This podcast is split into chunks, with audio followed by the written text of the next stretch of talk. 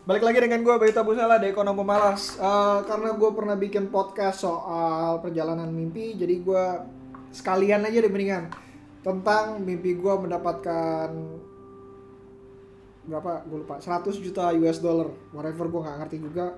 Eh, Gue mulai dengan dana yang cukup terbatas. Gue bareng sama satu teman gue sendiri. Jadi eh, dia investor lama gue juga.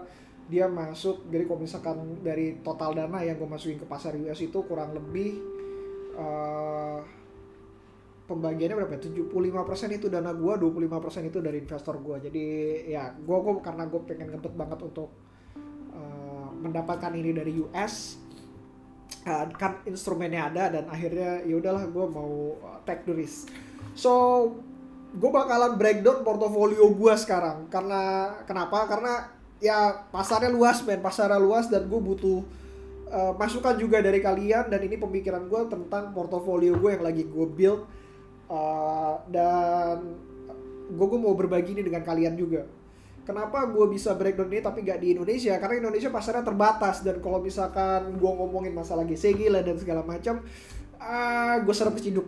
Jadi jauh lebih aman kalau misalnya gue mainin pasar US dan gue bisa ngomongin apa pun yang gue mau tanpa harus uh, downsize-nya kayak masalahnya dikit lah kalau misalkan dengan pasar US selama gue nggak macem-macem karena banyak yang bisa diomongin sih. So here it is.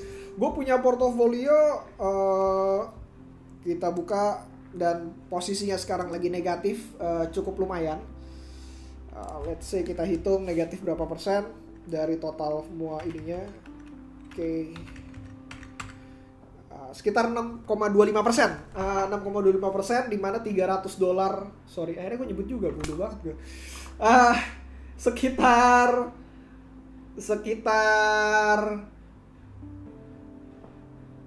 hampir setengahnya. Itu kesalahan gue karena gue salah milih instrumen pada harga yang salah. Ya maklum uh, platformnya juga gue baru paham dan akhirnya gue bisa baru-baru memahami tersebut dan beberapa portofolio selanjutnya itu gue meminimalisir kesalahan tersebut. Tapi then again uh, shit happen dan uh, portofolio gue masih minus 6,25 persen.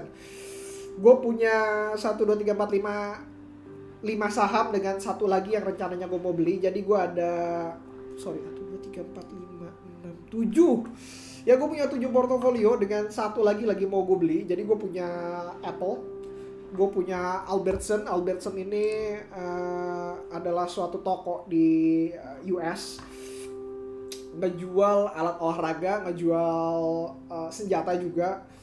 Uh, gue seneng karena trennya lagi naik dan dia baru IPO uh, ada Ntar gua gua ada deh. Academy oke okay, Academy. Terus ada Academy Sport and uh, Sport and uh, Outdoor. Eh, sorry itu kebalik. Academy Sport and Outdoor itu yang menjual sepeda peralatan olahraga dan segala macam dengan uh, senjata juga. Jadi senjatanya emang untuk berburu dan itu dijual ya balik lagi nggak mungkin lah jual senjata di Indonesia ya.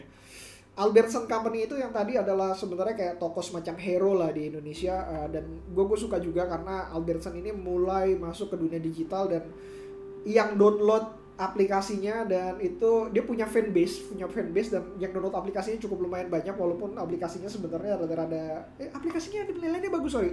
Penilaiannya bagus. Ada satu aplikasi yang nilainya buruk cuman gue akhirnya gue gue masukin juga.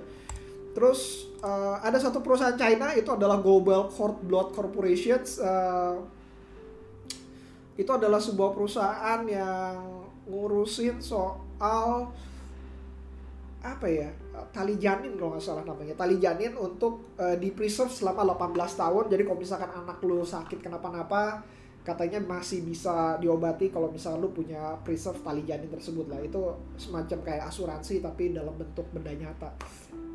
Perusahaan yang menarik gue bakalan cerita nanti kepisah juga. Terus ada Penny Mac dengan Rocket Companies. Nah Rocket Companies ini sebenarnya ini adalah dari satu grup di US uh, rekomendasinya uh, dan akhirnya gue masuk dan inilah tempat gimana gue melakukan kesalahan tersebut. Jadi harusnya uh, gue nggak membeli opsinya gue hanya bisa beli uh, harusnya gue beli sahamnya aja karena opsinya sebenarnya cukup mahal. Uh, gue ngambil resiko untuk uh, resiko kehilangan uang untuk uh, keuntungan tiga kali doang tiga kali lebih besar dibanding uh, gue pegang sahamnya gitu.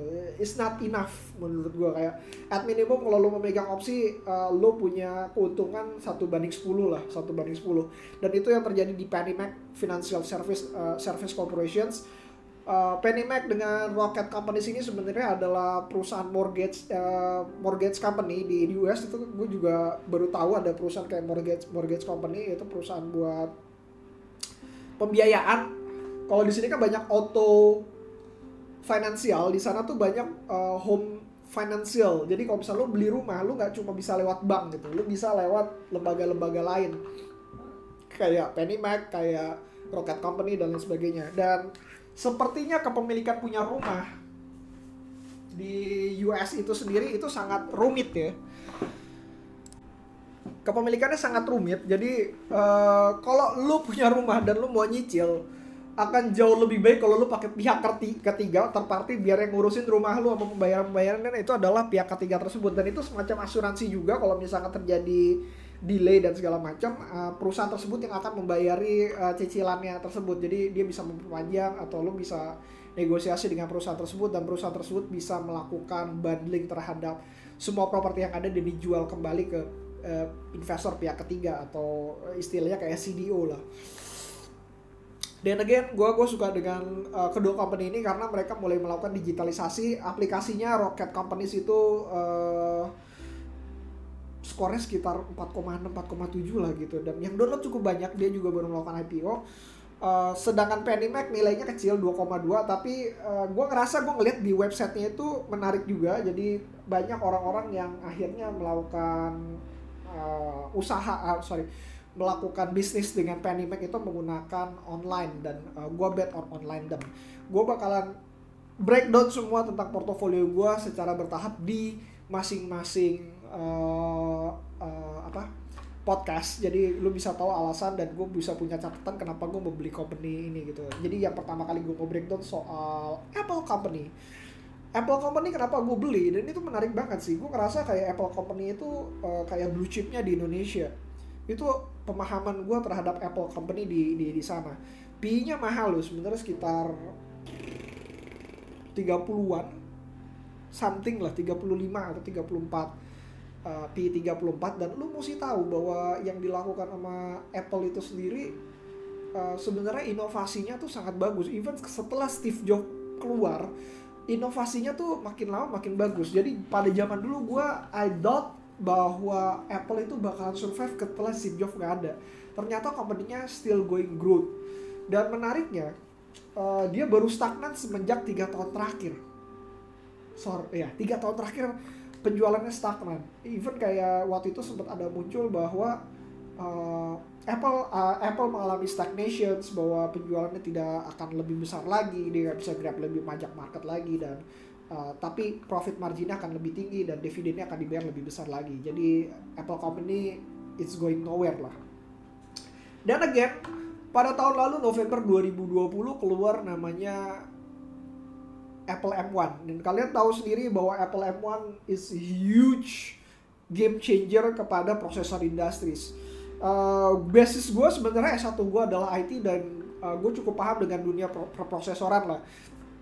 Uh, gue pernah ngobrol dengan uh, teman gue yang di UI, dia bilang katanya sebenarnya proyeknya dia itu waktu itu sempat sama dosennya adalah untuk mengubah uh, dunia perprosesoran. Karena arsitektur prosesor yang pada waktu itu tahun 2004 men gitu. Waktu itu zaman zaman baru mau dual core trip uh, uh, dual core quad core gitu lah. Uh, arsitektur yang ada itu sebenarnya ada satu kesalahan. Jadi lu bisa ngelihat terjadi stagnasi terhadap speed dari prosesor tersebut alasannya kenapa? Uh, alasannya adalah makin kecil uh, apa transistornya dan makin rapat transistornya itu yang jadi masalah bukan panasnya tapi masalah errornya. Jadi kalau misalkan makin rapat dia akan terjadi loncatan antar transistor tersebut secara tidak sengaja. Intinya seperti itulah. Uh, don't ask me about the detail tapi ini yang gue dapatkan. Uh, jadi yang dilakukan adalah ya udah kita bakalan masuk ke dalam ranah yang uh, prosesor speednya nggak akan kenceng nggak akan nggak akan lebih kenceng dibanding sekarang. Bakalan terjadi stagnations tapi ya udah kita tambah otaknya aja. Jadi instead of uh, ini ya udah tapi prosesnya kita pecah gitu. Makanya waktu itu parallel programming tiba-tiba menjadi in karena uh, dengan adanya double triple quadruple uh, ataupun sekarang udah bisa ada 8 12 whatever lah. Kayak banyak banget lah. Dengan banyak banget core tersebut parallel programming menjadi in. Jadi instead lo masukin ke satu titik lo bisa masukin ke uh, 8 titik sekaligus untuk dilakukan operasi tersebut. Dan Apple dengan ARMS-nya menobrak itu semua tahun lalu uh, gue pengen banget sebenarnya untuk invest di ARM tapi sayangnya ARMS tersebut masih jadi miliknya Masayoshi Son dan sial deh SoftBank emang kurang ajar sih dan dia belum di IPO Uh, jadi gue nggak bisa invest di uh, di ARMS-nya itu sendiri. Arsitekturnya menarik banget karena kalau lo tahu superkomputer terhebat sekarang itu sudah tidak menggunakan arsitekturnya x86 yang digunakan oleh Intel maupun AMD, tapi menggunakan arsitektur dari ARMS. Dan arsitektur ARMS ini tiba-tiba sekarang menyal kecepatannya itu menyalip dari uh, x86. Alasannya simple, karena dia low voltage. Pertama dia low voltage kedua ya lu bayangin dia digunain di handphone. Lu nggak butuh uh, lu nggak butuh pendingin nggak butuh segala macam even di tahun 2019 um, uh, gue kasih tahu gue bukan Apple fanbase karena laptop gue menggunakan HP laptop kantor gue menggunakan Lenovo nggak ada satupun yang gue menggunakan Mac dan gue belum pernah menggunakan Apple sekaligus. Tapi this is huge game changer. Bahkan gue kayak gue pengen banget punya iPadnya sekarang. iPad-nya mereka yang versi 2019 melawan uh, MacBook Pro tahun 2020 masih lebih kenceng iPad-nya mereka 2019 dalam melakukan rendering. Lo bisa bayangin iPad lebih kenceng dibanding PC-nya mereka di mana kalau lo tahu Apple nggak main-main dengan pemilihannya dia dia punya pemilihan arsitektur dan segala macamnya masih lebih cepat iPad-nya dan M1 itu menggunakan chip yang sama, arsitektur yang sama dengan handphone, tentu dengan tenaga yang lebih besar dan segala macam digunakan kepada laptop. Hasil akhirnya adalah laptop tersebut menjadi less heat. Uh, bahkan di Apple Air mereka udah lagi nggak butuh yang namanya fan. Jadi lu bayangin ada laptop nggak butuh fan dengan kecepatan lebih kencang dibanding uh, i7 versi terbarunya yang seri 10-nya punyanya Intel.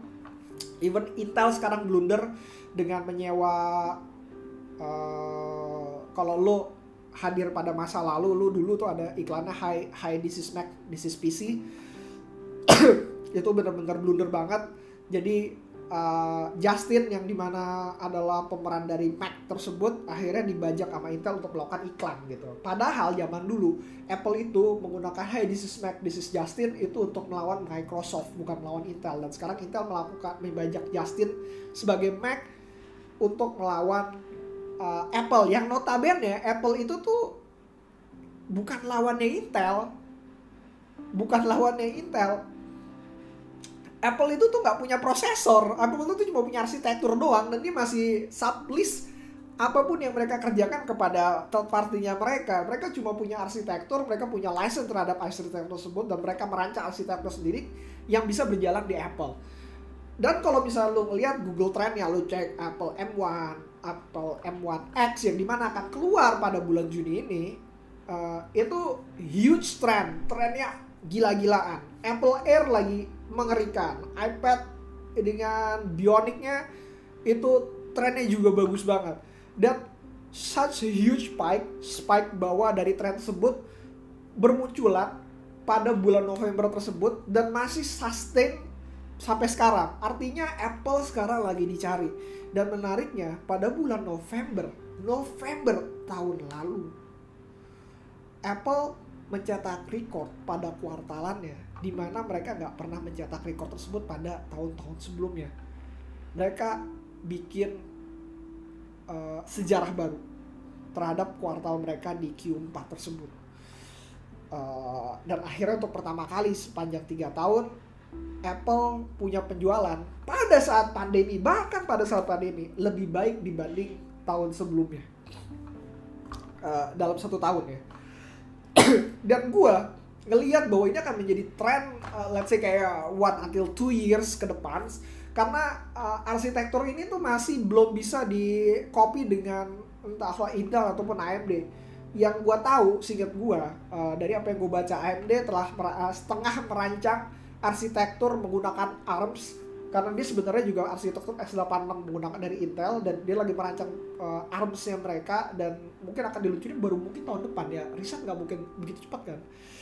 Gue bakalan ngebet on AMD mungkin tahun depan tapi untuk saat ini kayak let's see lah. Gue pengen tahu apa yang dilakukan sama Apple karena uh, mereka sudah keluarin track track ini ya sih apa uh, mereka udah ngeluarin lah.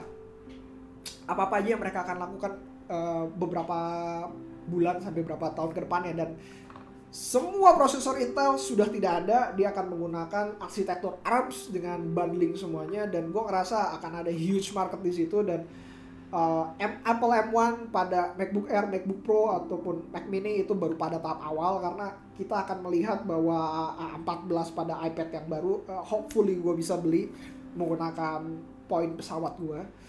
Uh, terus uh, MacBook Pro yang bukan MacBook Pro sih gue gue nggak tahu sih Apple computer ya whatever lah gitu Apple Apple chip komputer dengan M1X dan gue bakalan nebak ini akan menjadi satu hal yang wah banget dan uh, dengar-dengar uh, mereka sudah mensiapkan M3-nya gitu even kayak M2 belum keluar M3-nya sudah disiapkan oleh Apple dan itu gue bakalan bet on that bahwa ini akan jadi huge game changer even in the in terms of programming sekarang masih belum uh, belum oke okay sih karena belum ada kayak basis yang programming yang benar-benar bisa menutilize uh, ARMS. Tapi ya ini ini baru baru masa awal baru masa awal.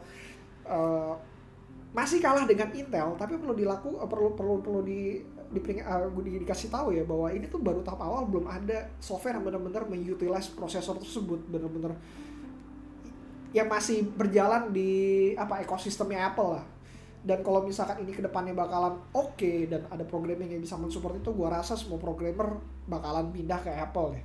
Karena uh, even dengan menggunakan apa virtual machines berjalan di virtual machine mereka masih bisa menjalankan apa yang dilakukan oleh Intel beberapa lebih baik beberapa lebih buruk tapi it, it's a huge step lah it's a huge step dan gue rasa ini bakalan jadi masa depan yang menarik gitu. Gue ngerasa akan ada penjualan lebih tinggi sekitar 20 20 sampai 30 dalam waktu satu tahun ke depan dan uh, at least dan gue berharap dalam dua tahun ke depan ada 60 penjualan lebih tinggi dan kalau itu terjadi price will be ramp up kayak at least 60 juga dengan PI yang sekarang.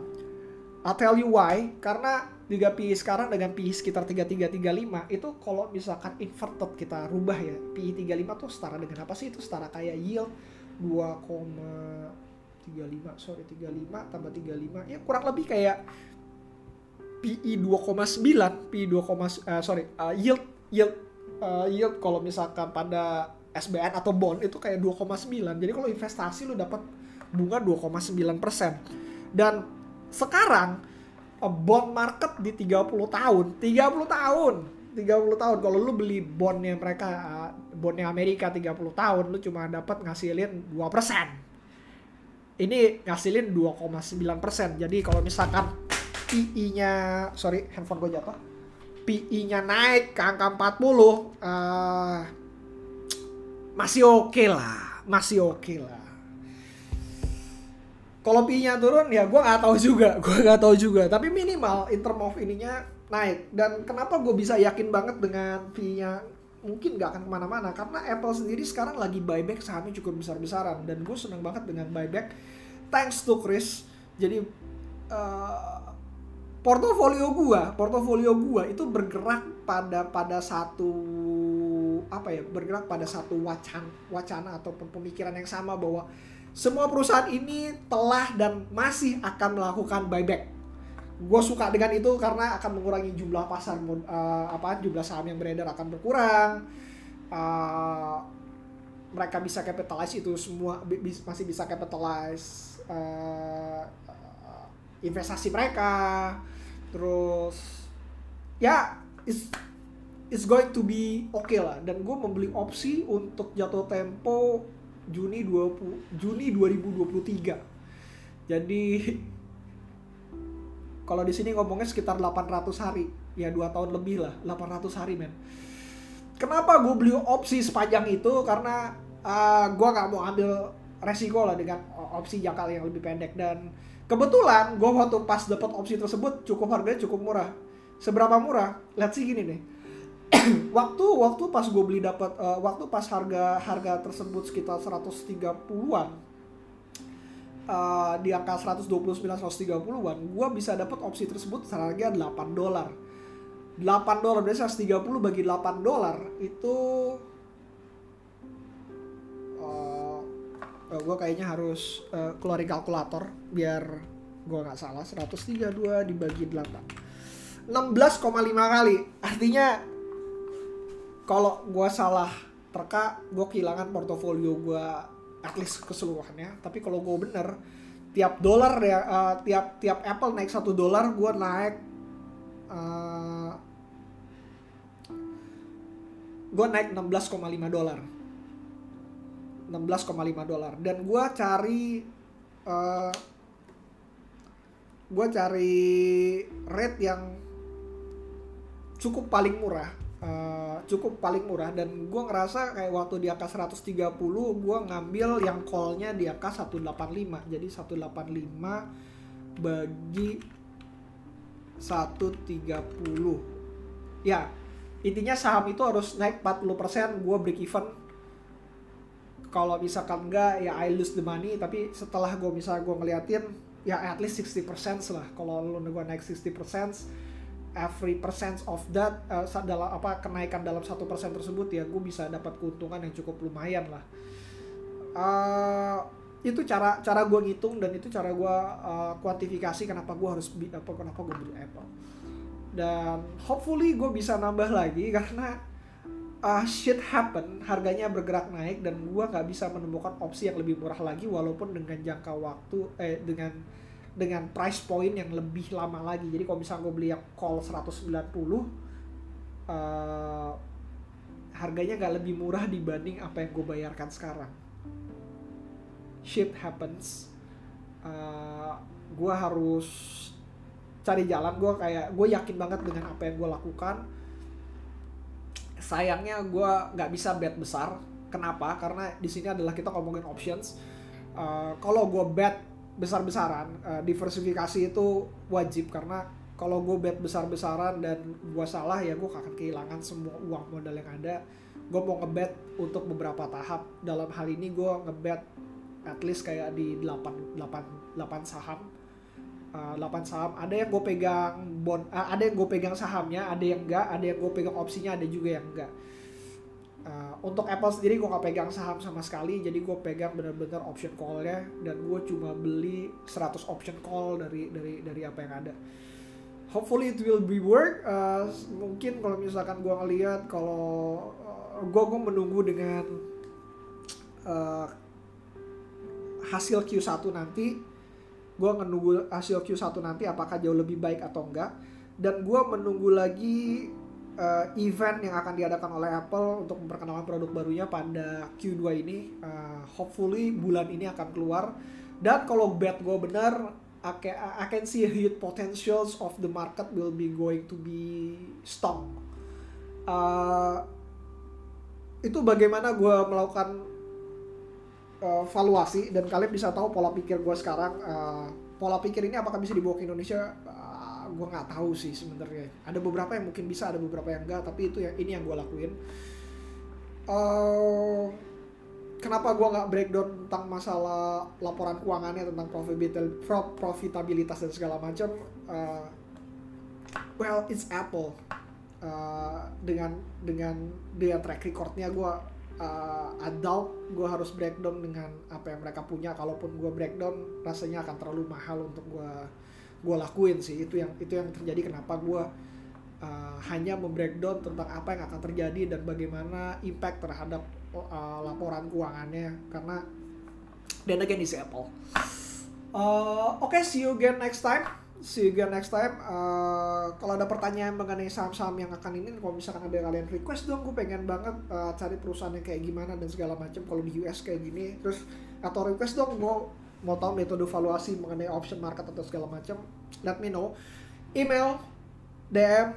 Uh, dan again, see you again next time. Bye.